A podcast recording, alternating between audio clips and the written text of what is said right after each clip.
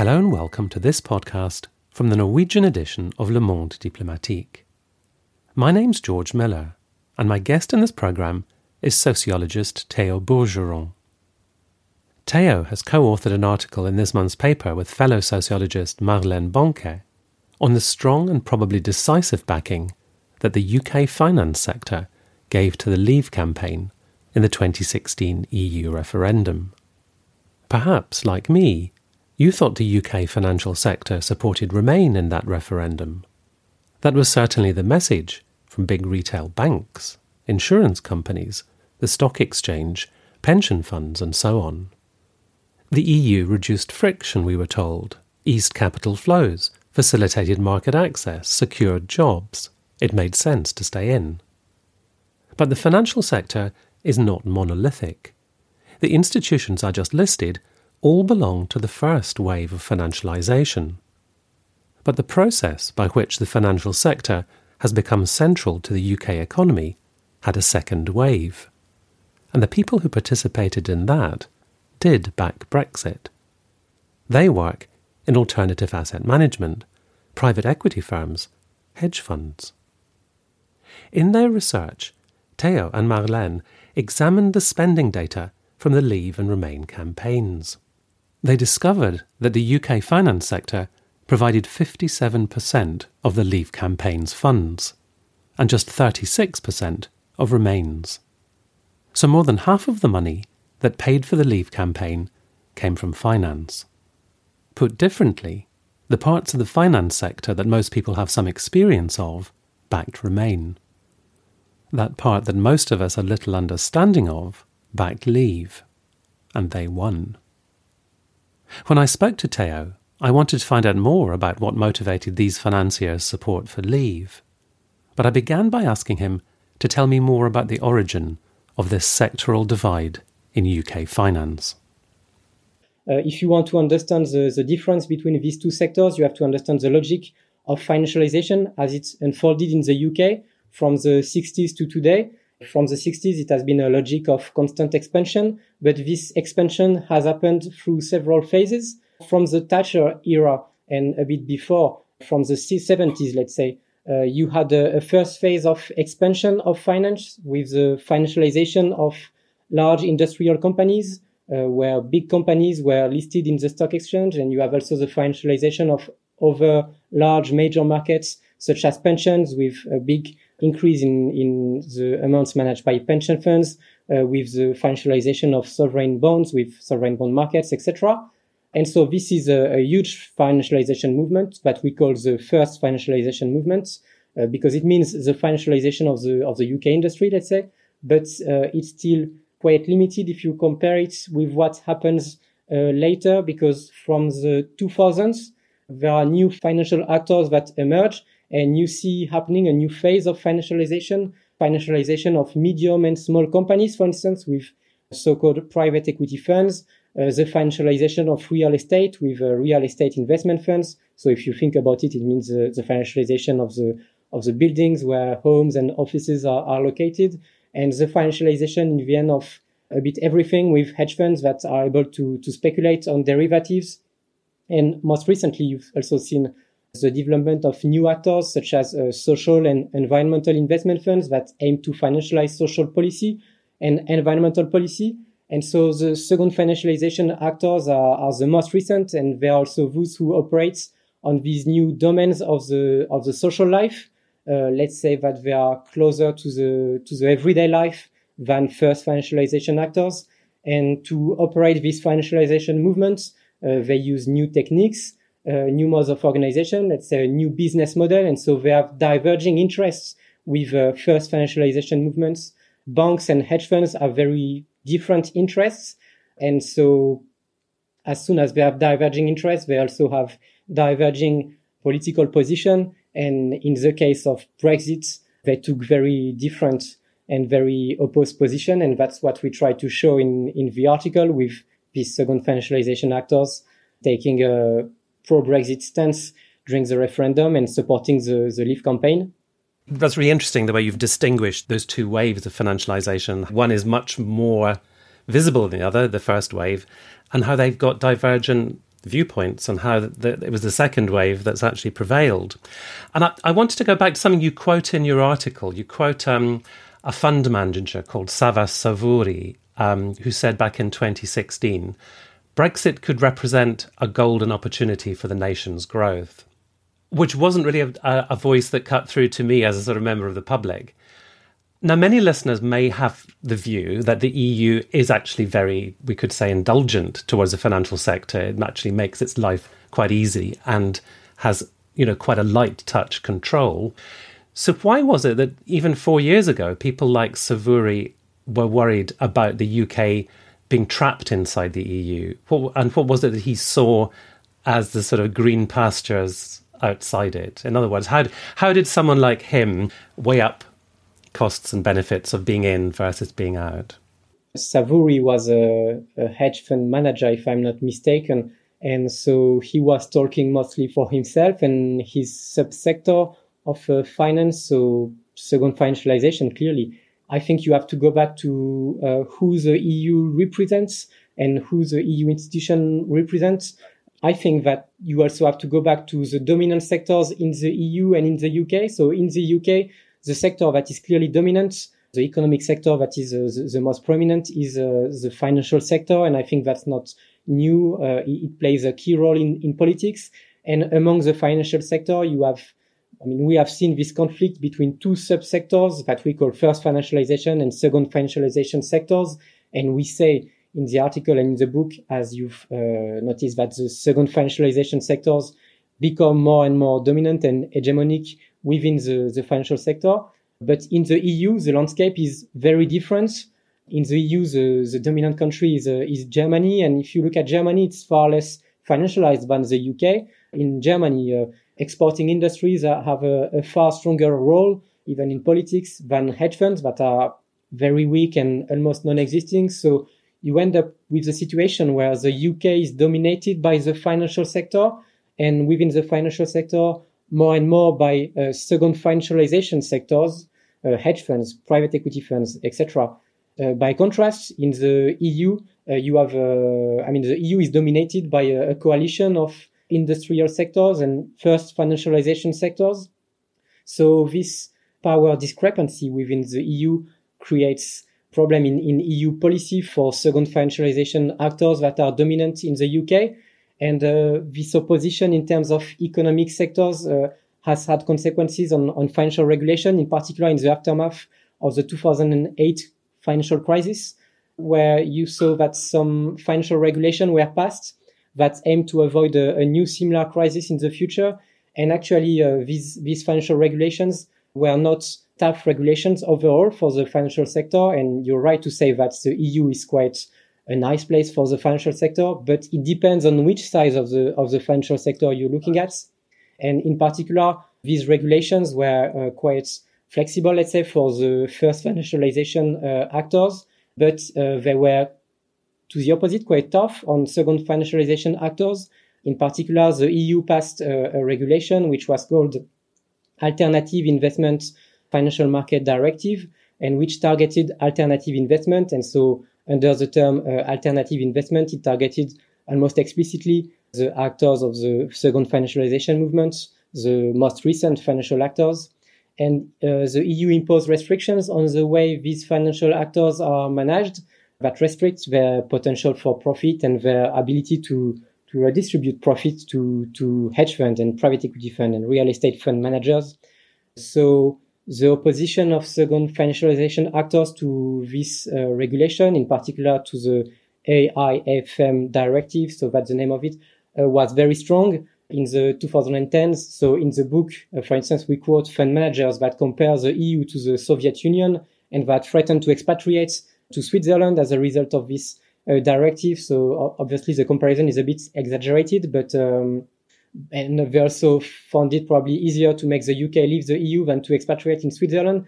But so that's just to say that the EU regulation was uh, quite nice with first financialization actors that are important and dominant in the EU, but a bit less with uh, second financialization actors that are dominated in the EU but dominant in the UK. And so this discrepancy explains a lot of uh, what uh, Savas Savouri calls, uh, calls the, the golden opportunity of Brexit. Would you say that the EU's desire to be tougher on second phase financial actors is actually entirely justified because the kind of things you're describing sound to me like the kind of things which might exist in the shadows, you know, which might lead to the kind of financial crisis we had in 2008, where there's a lot of opacity about exactly you know where money has been moved, what's been invested, how how how these financial products are sort of packaged and sold and bundled, and all those things. It sounds to me as though the EU's instincts are entirely in the right direction. Yes, I mean uh, it depends uh, where you. I mean from where you talk. I mean if you are a second financialization actor, it's not justified. But then if you look at uh, where the crisis originated and which were the sectors that were the most involved in, let's say, triggering the crisis, I think it's quite fair to say that indeed second financialization actors were the least regulated and were, as you say, sometimes in the shadows of regulation and that they had a, a big role. They played a big role in, in triggering the, the financial crisis. If you think about the role of hedge funds, if you think about the private equity bubble, it had a role. And then I think that the response to the crisis by the EU was and is in general not so much determined by uh, moral responsibility, who is responsible for the crisis and who has to pay, etc., but more by who are the dominant actors in the EU who are able to set their agenda. And it turns out that second financialization actors were had a strong responsibility in, in the financial crisis and that they were uh, yet dominant in the in the UK, but not dominant in the EU, and so that's why post-crisis regulation. I think for us, that's the main reason why post-crisis regulation in the EU were quite hostile to the actors of the second financialization, to the most recent emerging financial actors, and and also something that I want to say is that maybe it goes beyond mere financial regulation, because for second financialization actors, being outside of the EU is not only an opportunity to escape EU financial regulation, it's also an opportunity to escape the broader EU regulatory framework. And here we talk about financial regulation, but also about social and environmental regulation, about uh, taxation regulation, about political regulations. And so uh, financial actors, and in particular those of the second financialization movement, also wanted to escape this bigger EU framework that they thought uh, was constraining their, their ability to, to accumulate and to develop their, their business model.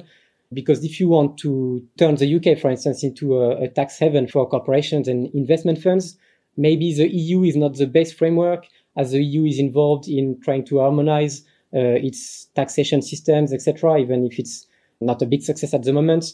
But uh, there is this uh, reflection that you can maybe gain some freedom on other domains beyond financial regulation by leaving the EU. And so that was also a, a strong motivation of second financialization actors. It's difficult, I know, to try to you know to weigh up motives in people's heads and know you know what exactly was behind their their decisions and their their, their motivations. But i mean would you go so far as to say that financial deregulation was really driving the whole Leave campaign for those people who are at the top and planning it, not the people on the ground who are voting, but you know the members of the elite, the members of the financial elite, and people in government. That financial deregulation was actually a central part of the whole weighing up of benefits. I think, as you say, I mean, we aren't in the in the minds of uh, those who did the campaign. So, with my uh, co-author Marlene, uh, we haven't talked, for instance, to, to Michael Gove or to Dominic Cummings. So we don't know what they were really thinking. And we also know that there are people on the left who are left Brexiters and, and actually they were not necessarily wrong. I mean, if you want a socialist alternative, uh, you probably have to uh, break some of the rules of the EU treaties that are neoliberal treaties. And so, if you want to uh, nationalize railways or to uh, do state aids, etc., you probably have to to break with uh, EU treaties in some other ways. So, in terms of campaign, it's hard to say. But what we can say for, I mean, we are focused on financial actors and and their uh, political uh, representatives, so think tanks, deputies, etc. And what we say is that for the financial actors that supported Vote Leave and Leave EU, uh, the, the leave campaigns for second financialization actors. Uh, yes, financial deregulation was clearly um, a key objective, uh, maybe not the only objective, but it was an objective that was central in their support for the Brexit campaign. And in the end, this support for the Brexit campaign was a significant uh, source of income for the Brexit campaign and a significant reason uh, for the, the victory of the of the Leave campaign.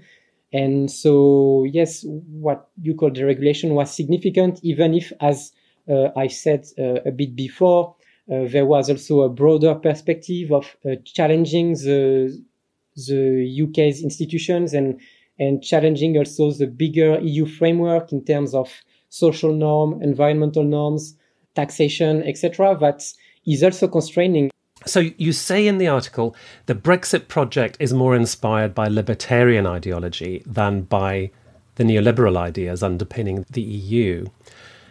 Now, I know there's quite a lot to unpack there, and I'm not going to get you to sort of give a full description of both of those ideological positions. But I just wanted to ask you, in the context of what we're discussing today, what do you think is important? I mean, I think you've already touched on some of the sort of ideological trappings which go go along with the, the, the Brexit position from finance. But what do you think is important to sort of emphasize about the difference between those um, ideological standpoints? So that's a, a, big question. And yes, so we draw um, an opposition between what we call the emerging libertarian authoritarian political regime and the more traditional now neoliberal uh, political regime and so why is it important? So we are, we are saying that the, the capitalist class is plural and that there are splits between uh, capitalist actors. So at least in the UK, you can observe uh, this split quite clearly, in particular in the financial sector. And so historically in the UK, capitalist actors uh, used to coalesce to make coalitions around first financialization actors. And so you would have first financialization actors that would coalesce with other actors such as maybe, I don't know, retail chains, transport companies, construction companies, etc. And they would uh, make a coalition to to build and to defend a political regime that allows them to to accumulate. And so that's what social scientists have called the neoliberal regime of accumulation, with the main features of neoliberalism. So you could think about uh, independent central banks, big financial markets, uh, free capital flows, uh, authoritarian social policies, and so it is also embedded in some institutions. And so the flagship institutions of neoliberalism would be uh, the IMF, uh, the WTO, and the European Union as well, uh, which is a, a, a, really neoliberal institution. At least if you read the treaties, uh, these are treaties that uh, embed quite well the neoliberal uh, ideology. And we say that more recently, new actors have emerged in the capitalist class and that they don't find actually that this set of institutions and features is the best one to defend their interests. Obviously, they are not looking for a socialist alternative, right? Uh, but in the case of the UK, they, they think that the neoliberal institutional order is not the best political regime to defend their interests and to defend their, their business model. And so we call the new regime that these actors promote, uh, we call it the libertarian authoritarian accumulation regime. And so uh, we have studied uh, in the article and in the book the new institutions that are promoted by these actors and by their intellectuals, uh, mostly uh, think tanks that they fund. And so the ideology that they develop could be defined through uh, five main adjectives. So they are libertarian, they are authoritarian, they are Eurosceptic, and they are climate denying. So it looks like a, a strange ideological mix. And here we insist on the fact that it's not ideology first, that's the ideology that is behind a coalition of capitalist actors so the ideology that makes this coalition work. So it's necessarily contradictory and, and imperfect. Uh, but of course, you can understand it, the logic. I mean, for instance, theoretical libertarianism would be somewhat distinct from authoritarianism. But in the reality, if you want to tax the welfare states, to reduce taxes drastically, to turn the country into a tax haven, uh, you need to be somewhat authoritarian to avoid social unrest, right? You need authoritarianism to enforce social order and allow accumulation to continue. Uh, and that's the same thing for climate denying. I mean, if you want to avoid redistributing a lot of money to to make a, a green transition, you need to to deny climate change and these kind of things. now, why is it useful to have this uh, conceptual distinction?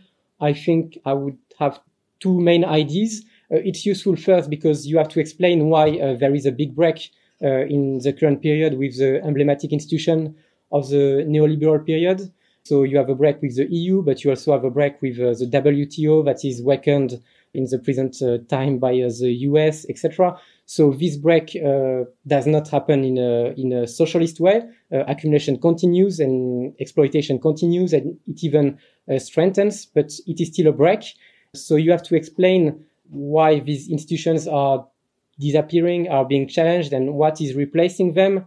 And so finding new concepts when you have uh, such institutional changes is not entirely new. I mean, if you look at the history of neoliberalism, the first proponent of the of the concept was uh, Michel Foucault, and uh, he explains that there was a succession of ideologies uh, uh, in uh, let's say Western countries. There was liberalism, then ordoliberalism, then neoliberalism, and then Foucault died, and so now we are just talking about flavors of, of neoliberalism. But along with my co-author Marlène, we, we believe that an institutional regime is linked to institutions, and if the institutions change, uh, we have to find a new name. And it's also important for a second reason, which is uh, how to make sense of the oppositions that we see in several countries right now around neoliberal institutions. And for instance, how do you interpret uh, the opposition between Biden and Trump?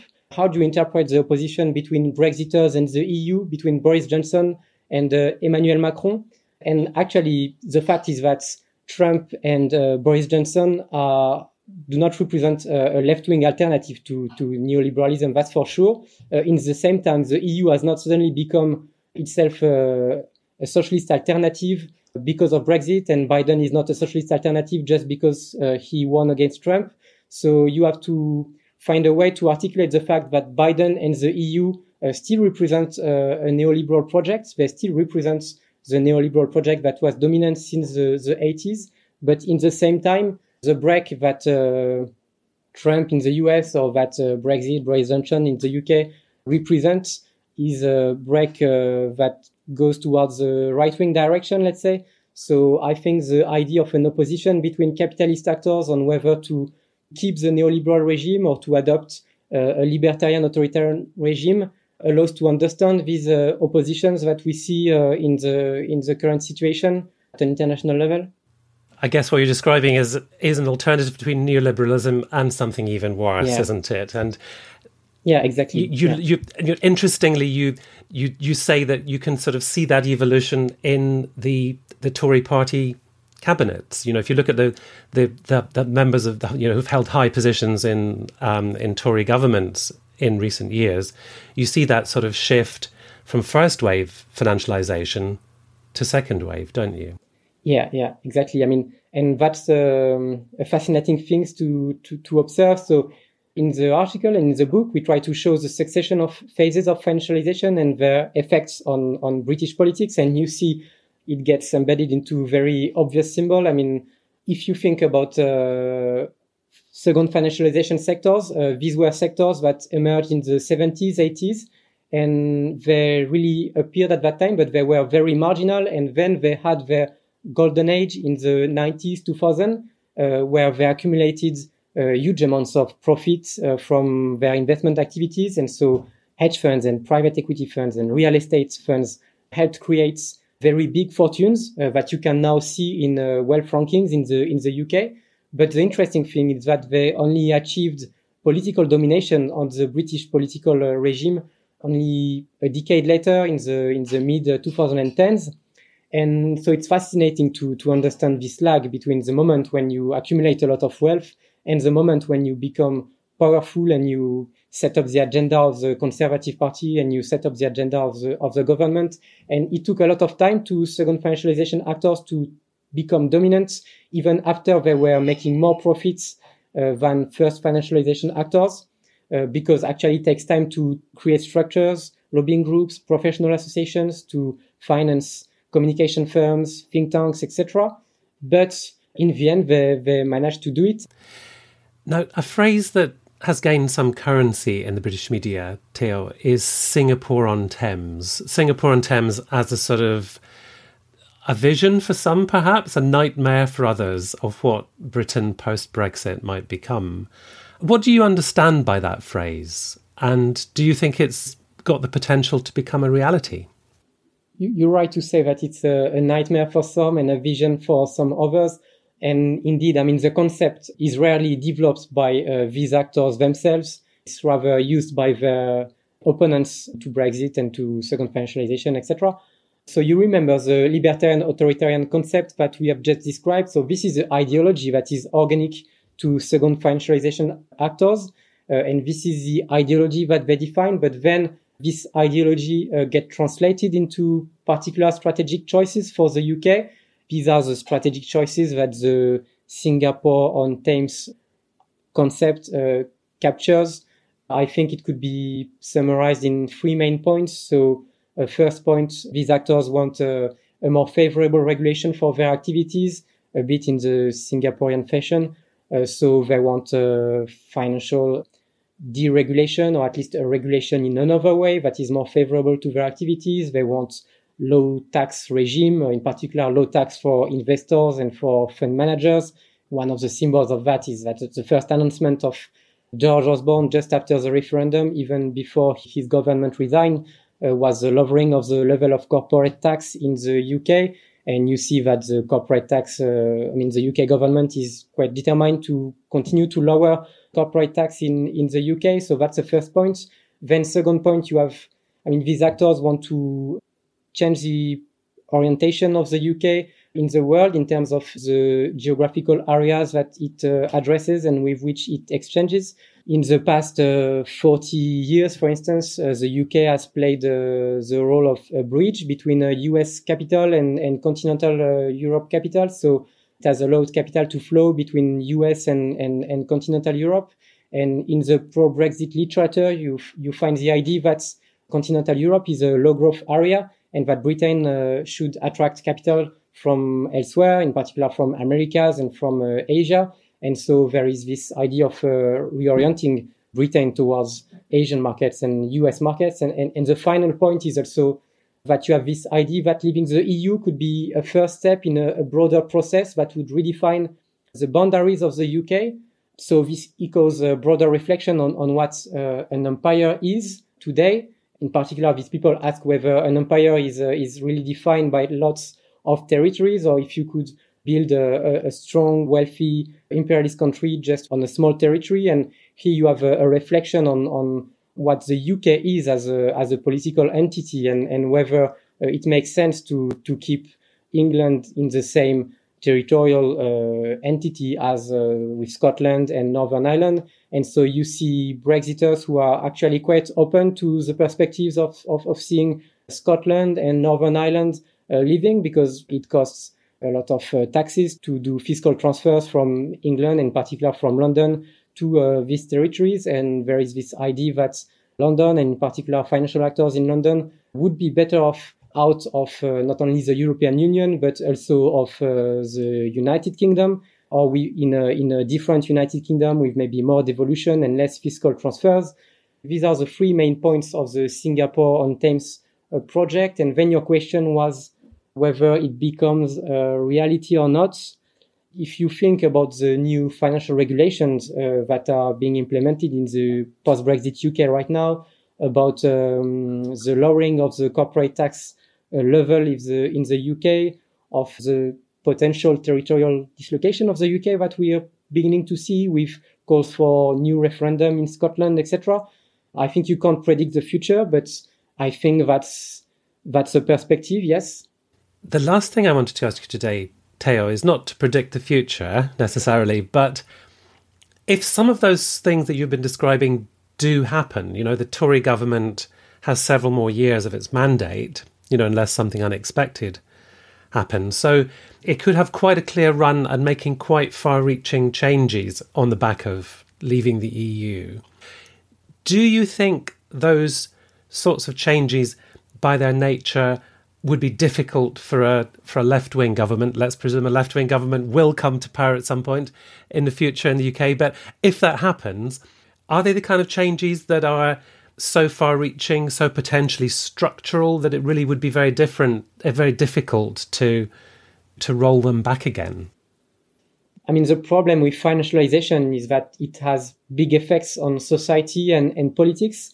And when you have these financial actors that become dominant, they are also able to shape the political regime and to shape your ability to change your laws and your regulations and, and, and it affects very broadly the, the organization of a, a political regime. So when you become a, a super financialized country, I think it becomes harder to rule in a way that doesn't match the interests of the financial sector and in particular of the, of the, the parts of the financial sector that are the, the most dominant. And that's something you see in the UK, but also in other very financialized countries like the US, for instance. And we also talk about the case of Brazil, which is a very financialized country in, in Southern America.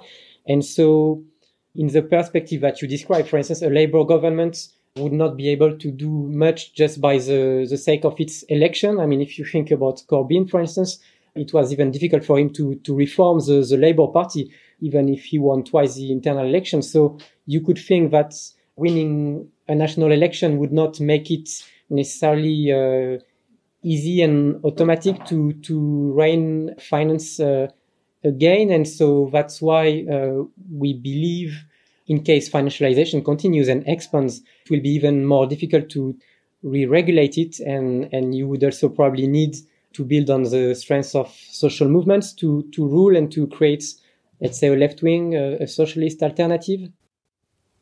I was talking to Theo Bourgeron about the article he co wrote with Marlène Benquet, which is in the January 2021 edition of Le Monde Diplomatique. The latest edition of the paper is available to our subscribers and also on sale on newsstands across Norway and Denmark. Subscribers can also access it and the complete archive of the paper online at www.lmd.no. If you're not yet a subscriber, there's plenty of open access content online to entice you to become one. In the words of the late John Berger, why read LMD? To make sense of what's happening in the world behind the misinformation. I hope you'll join me again next month for another interview with one of our contributors. Until then, thank you very much for listening, and goodbye.